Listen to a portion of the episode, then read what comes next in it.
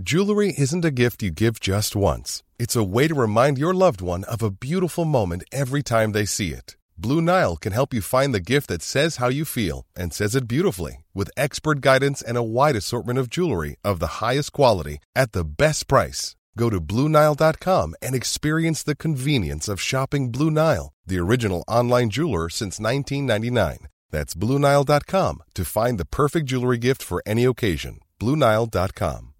When you make decisions for your company, you look for the no brainers. And if you have a lot of mailing to do, Stamps.com is the ultimate no brainer. It streamlines your processes to make your business more efficient, which makes you less busy. Mail checks, invoices, legal documents, and everything you need to keep your business running with Stamps.com. Seamlessly connect with every major marketplace and shopping cart. Schedule package pickups and see your cheapest and fastest shipping options from different carriers. With rates up to 89% off USPS and UPS rates. And with the Stamps.com mobile app, you can take care of mailing and shipping wherever you are. Make the same no-brainer decision as over 1 million other businesses with Stamps.com. Sign up with code PROGRAM for a four-week trial, plus free postage and a free digital scale. No long-term commitments or contracts. That's Stamps.com. Code PROGRAM.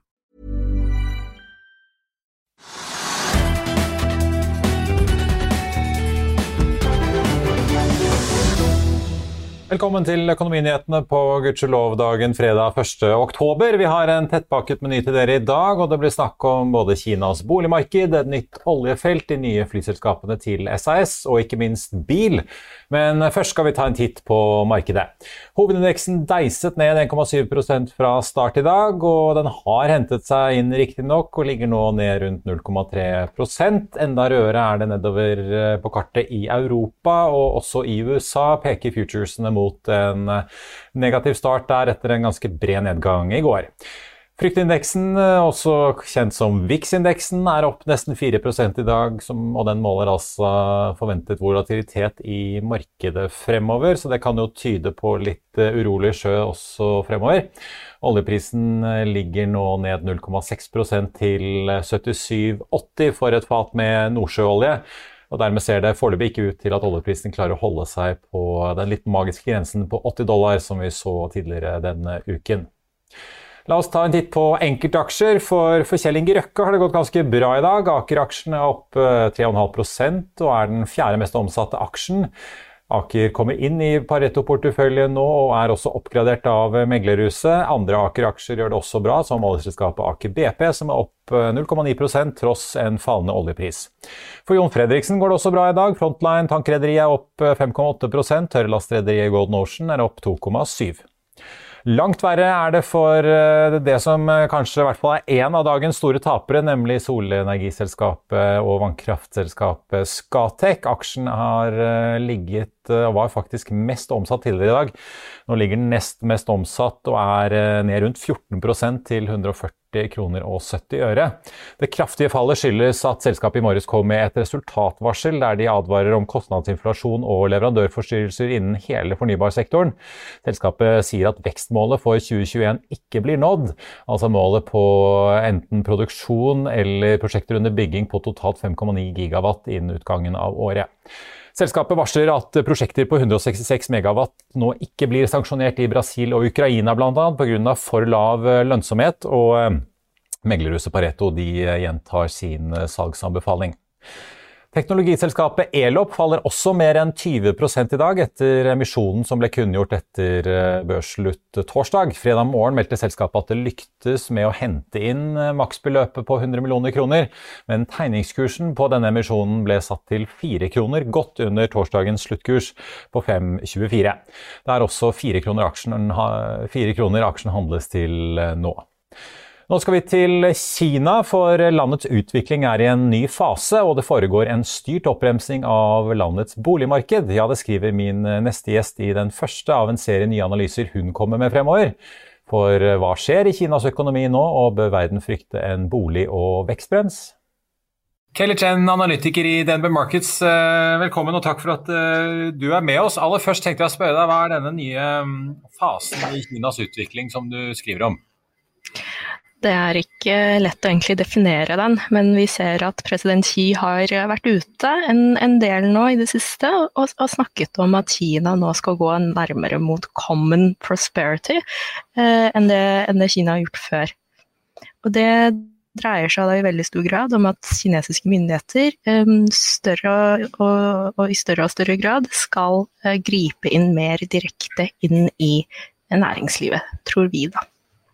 Ja, altså rett og slett for å hva skal man si, sørge for mer omfordeling, er det sånn du tolker det, eller?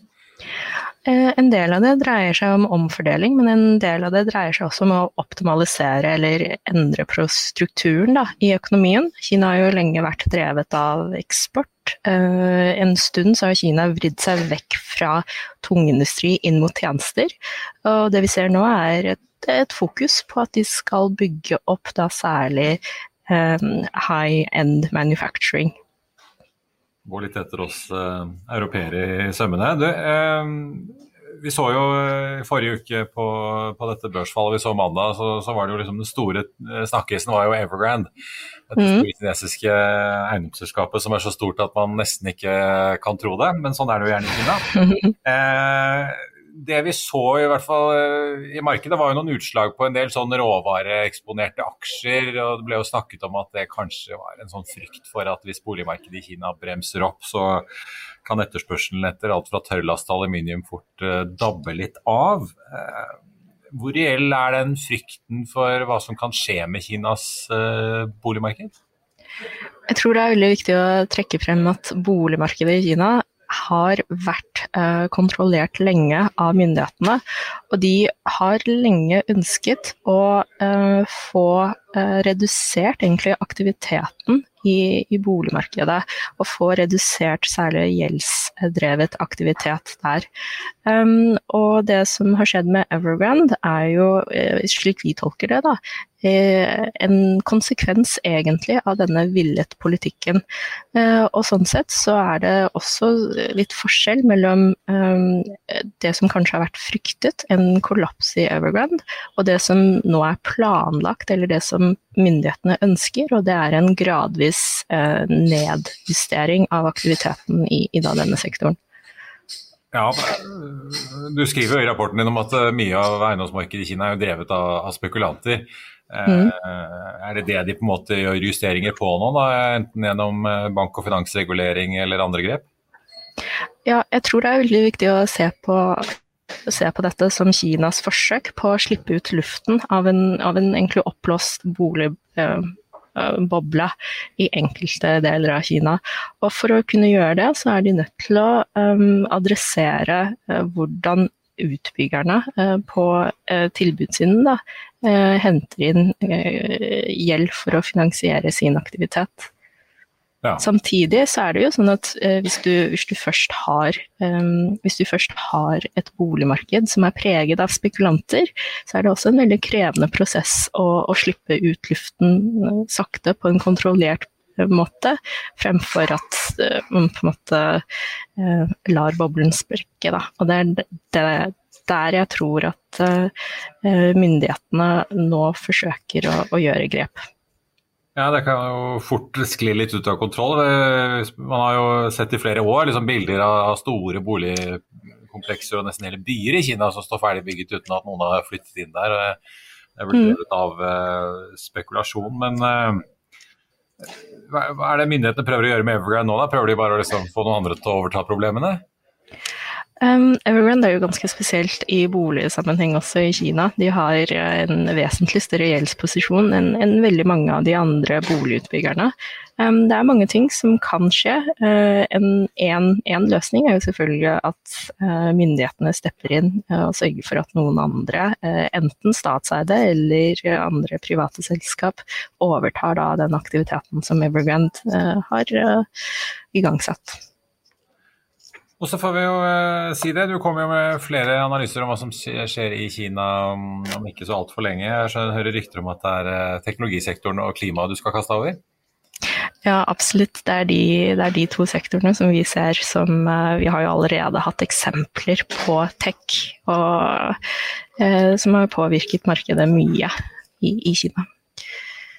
Kelly Chen i DNB Markets, tusen takk skal du ha, og god helg.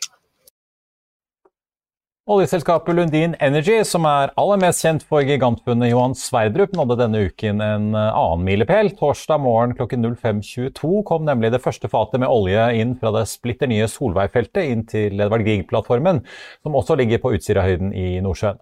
Vi tok en prat med Lundin Energy Norway-sjef Kristin Færøvik om denne første utvidelsen av Grieg-området, de to andre satellittene de planlegger, og om hvor stort dette området egentlig kan bli.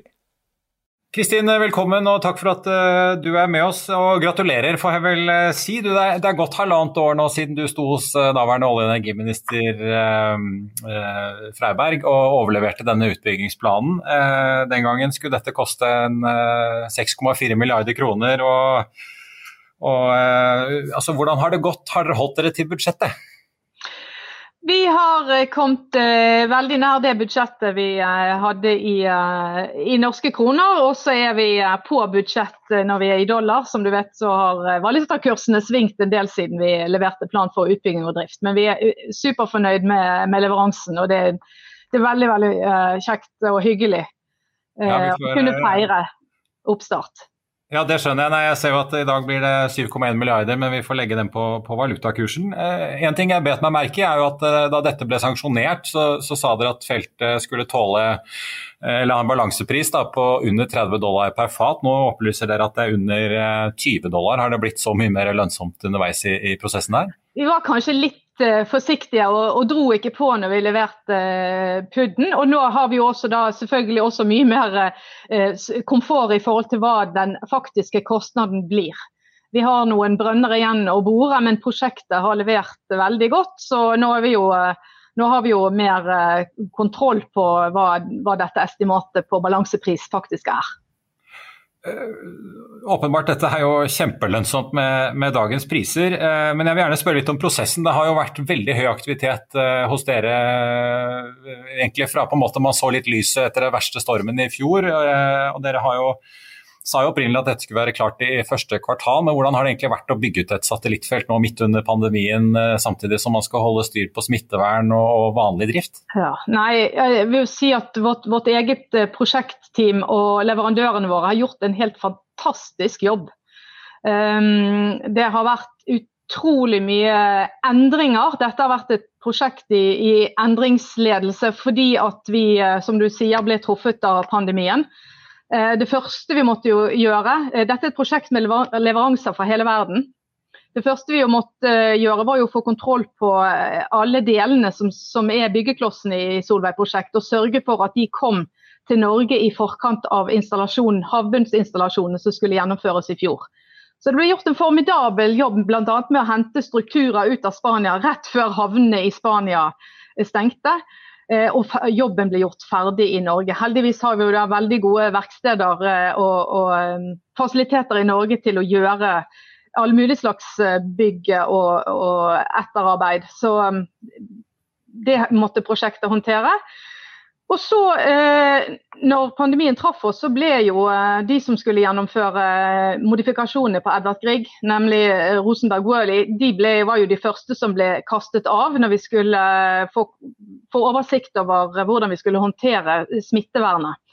Så eh, Rosenberg-teamet har vært av og på Edvard Grieg i fjor, og har likevel kommet i mål på en strålende måte. Så Det er også en fantastisk leveranse. Og selvfølgelig også driftsorganisasjonen som skal håndtere all den eh, aktiviteten.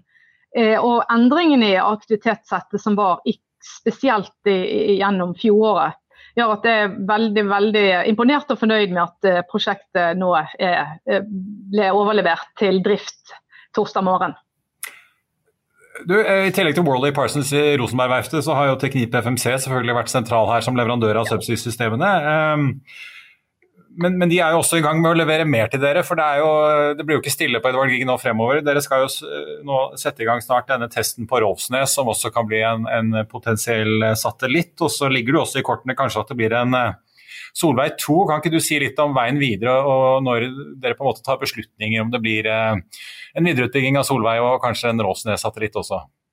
Jo, Teknip FMC som du sier, har gjort en veldig stor og viktig jobb for oss. og det er En av suksessene med Solveig har jo vært at vi begynte å jobbe med leverandørene uh, før vi faktisk visste om vi hadde et prosjekt. Så Teknif FMC var tidlig inne og kunne ta høyde for de uh, endringene som bl.a. kom etter at vi hadde gjennomført en avgrensningsboring på Solveig.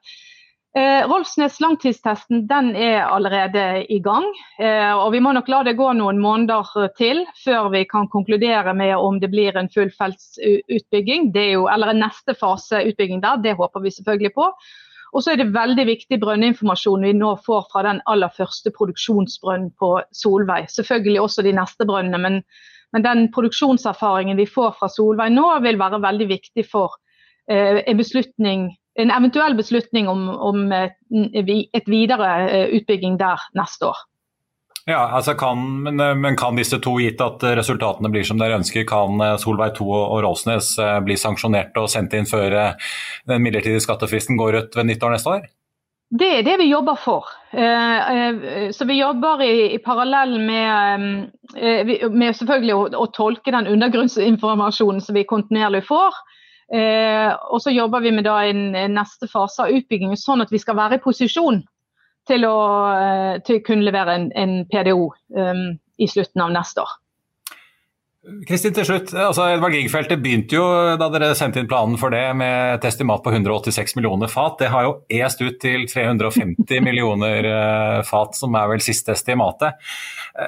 Har du et tall på, på, hvor mye olje dere tror det er realistisk å få ut her med det dere vet i dag? Hvis man regner med satellitter og, og selve feltet? Og jeg tror nok vi skal mer enn doble ressurs, eh, ressursene i eh, Edvard Grieg-området. Eh, og, og, kanskje mer enn det også. Um, så det er, nå, nå, venter vi jo spent på å få satt i drift de to første infill-brønnene på Edvard Grieg-feltet også, som Um, som vil vise oss hva, hva, vi har av ytterligere potensial i dette feltet. Så jo, uh, det er mye å hente i Edvard Grieg-området uh, fremdeles. Ja, Så du tror det kan være potensial for uh, ja, 700 millioner fat her, rett og slett? da? dobling av det opprinnelige anslaget snakket jeg vel om, men, ja. og vel så det. Ja. Så vi, kanskje litt, grann, eh, men, men, selvfølgelig hvis du inkluderer leteprospektiviteten eh, i tillegg, så kanskje. Vi får se. Kristin Færvik i Lundin Energy Norway, takk skal du ha. I'll see you in court. Vi sier det ofte litt på spøk, men for deg som driver business, er det aldri moro å innse at du ikke har laget en 100% gyldig kontrakt. Du bør ikke risikere hele firmaet ditt fordi du synes dette med kontrakter er litt stress. En avtale er ikke en avtale. Du kan miste kunder, miste venner, ja, til og med miste inntekter om du ikke lager en skikkelig kontrakt, på alt mulig, egentlig. Men vi vet det er et styr. Kopimaskiner, treg printer og haugevis av papir. Dessuten stoler vi jo på folk her i landet. Det er ofte litt kleint å skulle be om en signatur for alt mulig, ja, for mye av styret handler også om jakten på underskriften. Det finnes en enkel måte å løse dette på, Dukkobit. En trygg, effektiv og get this, gratis måte å sikre seg en god natts søvn pluss en juridisk bindende avtale. Dukkobit-appen har de strengeste sikkerhetskrav i bunn, samt en EU-godkjent og sertifisert teknologi. Framover vil det bli behagelig å spørre du, skal vi skrive under på det, eller? Kom i gang på dukkobit.no. Flyselskapet SAS jobber for fullt med planene for hvordan de skal reise seg etter koronapandemien. Denne uken lettet selskapet litt på sløret og fortalte om de to nye interne flyselskapene som skal bidra til å holde konsernet konkurransedyktig. Men planene har for lengst flått eh, flere tillitsvalgte til å tenne på alle plugger. Tidligere i dag tok vi en prat med han som har ledet arbeidet med dette, selskapets konserndirektør for Airlines Operations. Simon Pauk Hansen, takk for at du er eh, med oss. Denne uken sendte du ut et brev til de SAS-ansatte der du informerer om disse to uh, nye selskapene som dere skal ha fra, fra 2022. Jeg tenkte vi skulle dele litt opp og begynne med SAS Connect. Uh, det er jo et nytt navn på et selskap vi kjenner som dere har hatt i en del år, SAS Irland. under pandemien måtte dere ta ganske kraftige grep med SAS Irland. Og så har dere varslet en, en, at dette selskapet skal få en base på Kastrup. Eh, kan ikke du si litt nå hvordan SAS Connect egentlig vil se ut, og hva slags funksjon dette selskapet skal ha fremover for SAS? SAS Connect, eh, som du riktig sier, er en, eh, en virksomhet som vi har i dag i, i SAS. Vi uh, har med SAS Connect-navnet uh, gjort det litt tydeligere, hva uh, det her selskap skal drive med i fremtiden.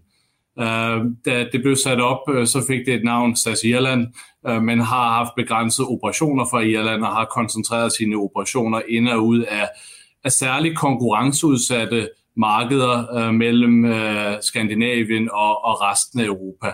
Og det er præcis det, som vi ser også nu her efter pandemien, at vores SAS Connect skal sikre, at SAS kan tilbyde attraktive øh, destinationer, også hvor at vi har øh, store leisure-markeder og hård øh, konkurrence fra lavprisselskaberne, som vi jo har set her nu efter pandemien, kommer til Skandinavien i endnu større omfang, enn hva vi så innen pandemien. Ja, for det, det har dere snakket om, at dere forventer jo at forretningsmarkedet, som dere jo er veldig gode på, og veldig avhengig av, ikke vil bli like stort i fremtiden, men at fritidsmarkedet, leisure, vil, vil ta seg opp. Men, men, SAS Connect, vil de på en måte bli satt inn um, typ på Spania og London, eller vil det bli mer liksom, kirurgisk der hvor dere ser at konkurransen er ekstra krevende? Det blir øh, kan du si, på et, et, et antall av ruter, hvor vi ser, at konkurransesituasjonen er en annen karakter. Uh, og vi ser jo i dag, at, uh, at Wizz Air har interesse i Norge, men også i resten av Skandinavien. Vi ser, at Ryanair bygger op base på Arlanda, og Ryanair også uh, ønsker at gå inn i Danmark mer aggressivt med egne baser. Og for at vi kan sikre, at vi i fremtiden også kan ha skandinavisk luftfart med flere ansatte i skandinavisk luftfart, øh, frem øh, måske i, i udenlandske selskaber, jamen, så har vi et behov for at sikre, at vi, øh, at vi kan tilbyde øh, rigtig konkurrencedygtig øh, kapacitet på de ruter, hvor at, at markedet er meget leisure-orienteret. Eh, så er det jo dette SAS Link, som eh, dere har jo snakket om dette i, i, i hvert fall to år. og nå liksom Endelig, når pandemien begynner å gi seg litt, så, så begynner det også å konkretisere seg. Dere skal jo da lage et selskap som skal på en måte ligge mellom de små CRJ 900 dere opererer eller som CityJet opererer for dere med rundt 90 seter, og de større Airbus A320 Neo med 180 seter. Vet dere hva slags fly dere skal bruke? da? Jeg ser at noen snakker om at det kanskje blir en Braer som eh, norske Widerøe også bruker? Ja, um, det er riktig. SAS Midsize uh, er et viktig prosjekt for oss. og Nå, uh, givet pandemien uh, og givet det vi ser frem for oss, så tror vi på at det kommer fortsatt til å være ekstremt viktig for SAS å kunne knytte sammen regionene i Skandinavien inn til våre trafikknutepunkter i Oslo, Stockholm og København, for at sikre, at vi har en infrastruktur øh, til Norge og til Sverige og til danskerne, øh, hvor at man kan tage sig ud i verden. Og der er det jo et spørgsmål om at have en balance mellem øh, sin, øh, sin størrelse af fly og det marked, man skal betjene. Og det er jo både i et kostsammenhæng og også i et emissions, altså udslip øh, sammenhæng. Og der har vi set, at øh, at Embraer er et godt bud. Uh, vi har uh, kigget på, uh, på, på de tilgængelige fly i markedet for at komme hurtigt i gang. Det er sådan, at vi forventer, at markedet efter pandemien kommer langsomt til at gå op, så egentlig er behovet for mindre fly større i nærtid, og det er derfor, at vi uh, accelererer vores indsats her, uh, for at kunne være sikre på, at vi nu får det rette størrelse af fly i luften, når pandemien begynder at slippe sit tag.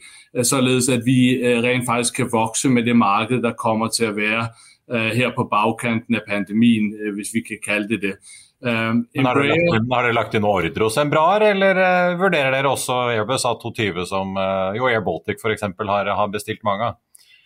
Det vi kan si, det er vi er på nuværende tidspunkt i SAS-konsernen ikke i stand til å kunne uh, legge det finansielle commitment, som skal til helt enkelt så er det for usikkert et, et markedsunderlag, vi står på nå. Derfor ønsker vi at sikre, at vi kan bygge virksomheden op øh, og bibeholde vores mulighed for at kunne træffe den langsiktige flådebeslutning litt senere, øh, når vi er kommet mer på bakkanten av pandemien. Vi står stadig i pandemien nu. Vi håber på, at vi er på bag, snart på bagkanten, men vi er ikke der endnu. Øh, hvor vi har fuldstændig klarhed i, hvor mange fly øh, skal vi eventuelt bruge i fremtiden, og hvordan skal flåden øh, præcis se ud.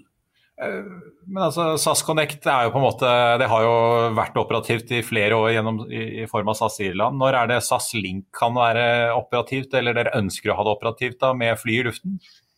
Vi øh, har en plan om at det skal være operativt i luften i, øh, i starten av næste kalenderår, det vil Si, øh, innenfor noen få måneder. Så vi er i full gang med planlægning, Uh, og vi har også et letter of intent på uh, seks flyplan uh, der skal komme til vores flåde under næste år. og det er liksom den kan du sige, første oppstartsfase vi ser frem for oss. Med en bra altså?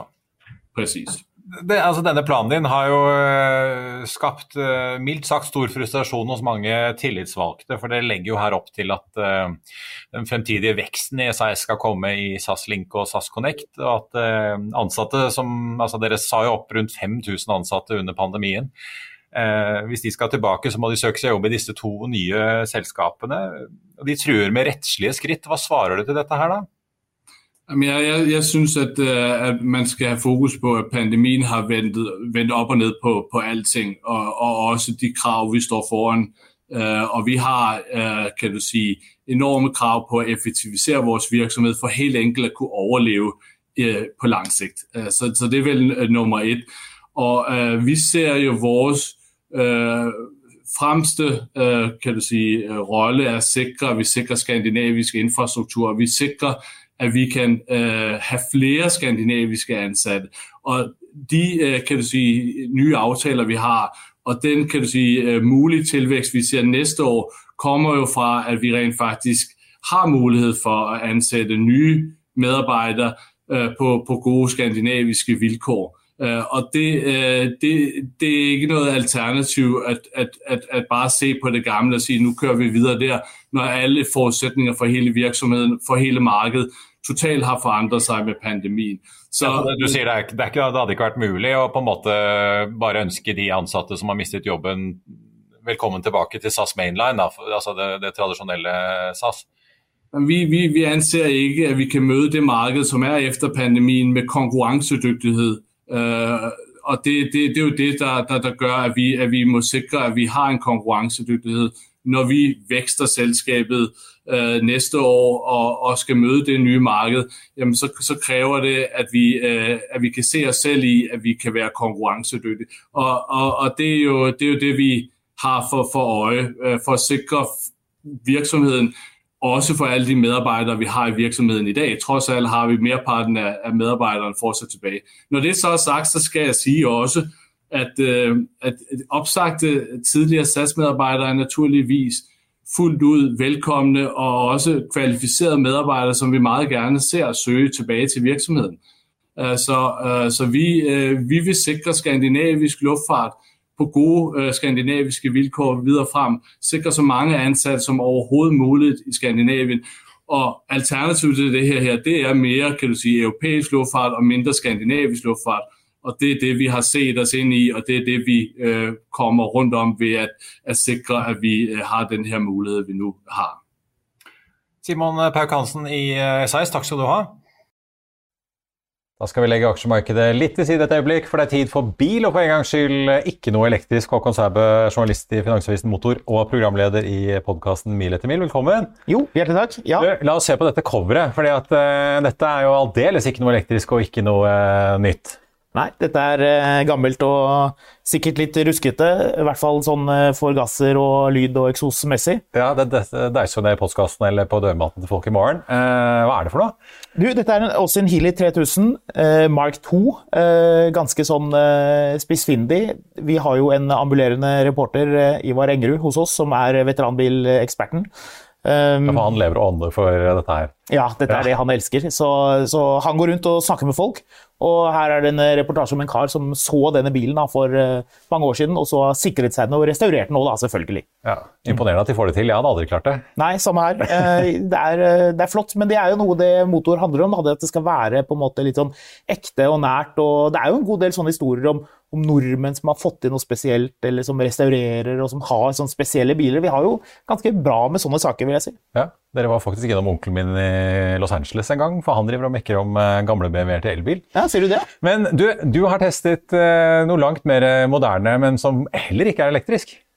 Det stemmer. Jeg var ute og kjørte Mini John Cooper Works kabriolet. Og det jeg syns var litt sånn fascinerende, er at man sånn ser på at det er en liten bil. Det er jo ikke plass til veldig mye, og litt sånn upraktisk bil. Man tenker eh, egentlig uinteressant nå eh, med elbiler og alt dette her. Men prisen, da. Det var liksom begynt å se hva koster dette her. Eh, jeg tror det var rett under, en, eh, rett under 550 000 kroner. Ja. Det er sånn, Skal du ha enda en grå elbil, som selvfølgelig har plass til mye mer og er mye smartere på den måten, eller skal du ha en grønn liten tass med 231 hestekrefter og morsom lyd, ta ned taket, liksom bare ha det gøy? Ja, Vi ser jo bildet av den her. Det er jo så erkebritisk som det går an å få det. Ja, med den der, eh, på taket, den der mønsteret. Det er egentlig sånn, ganske sånn morsomt. Uh, ja, det, det, er også det som jeg føler at, at, man får mye av i motor. da. Etter hvert som andre liksom dreier veldig mot bare elbil. Vi har jo det òg, masse.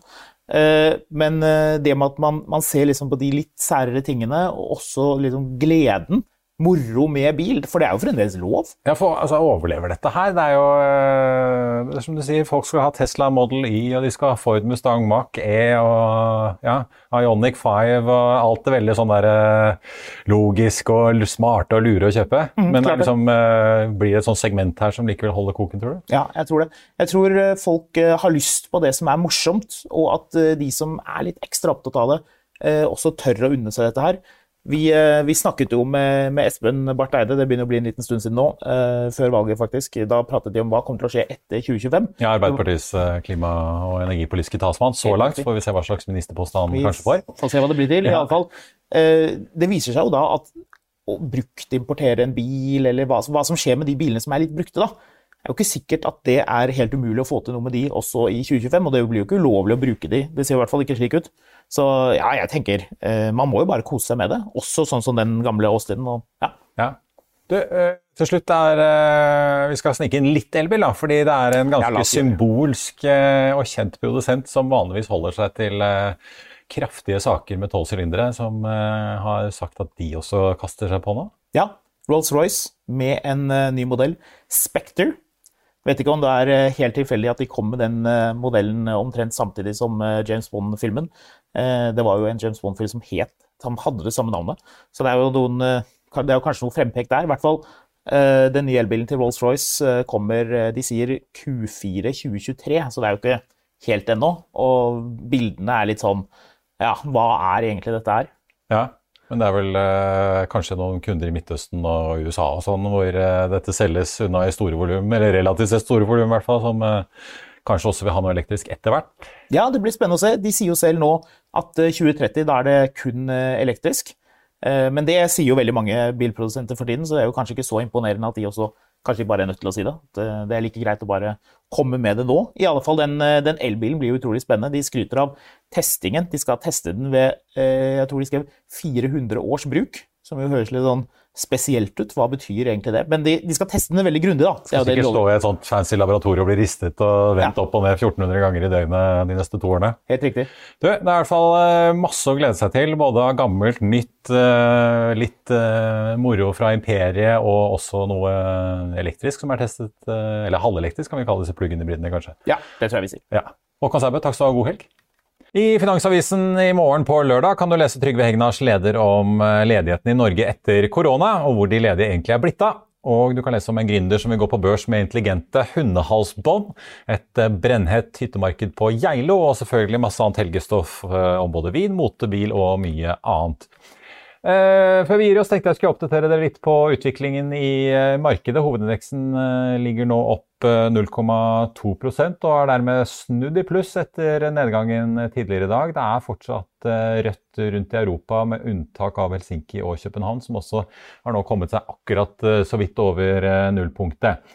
Scatec eh, Solar de sliter fortsatt, eh, er ned 13 Elop eh, er også ned 23% For øvrig ser vi at Equinor, som er storeier i Skatec, er opp 0,9 i dag. Det var det vi hadde. Tusen takk for at du så på. Vi er tilbake på mandag klokken 15.30. I mellomtiden ønsker vi deg en riktig god helg. Takk for nå.